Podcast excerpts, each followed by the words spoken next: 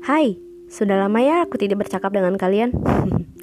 Jadi kangen. Eh iya, kalian apa kabar? Semoga hari-hari kalian selalu menyenangkan ya.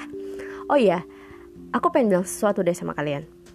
Terima kasih ya, karena kalian sudah mau bekerja keras hari ini. Terima kasih juga karena kalian sudah mau bertahan. Kalian hebat loh, karena kalian sudah menyelesaikan satu persatu lembaran kehidupan kalian dengan baik. Yeay!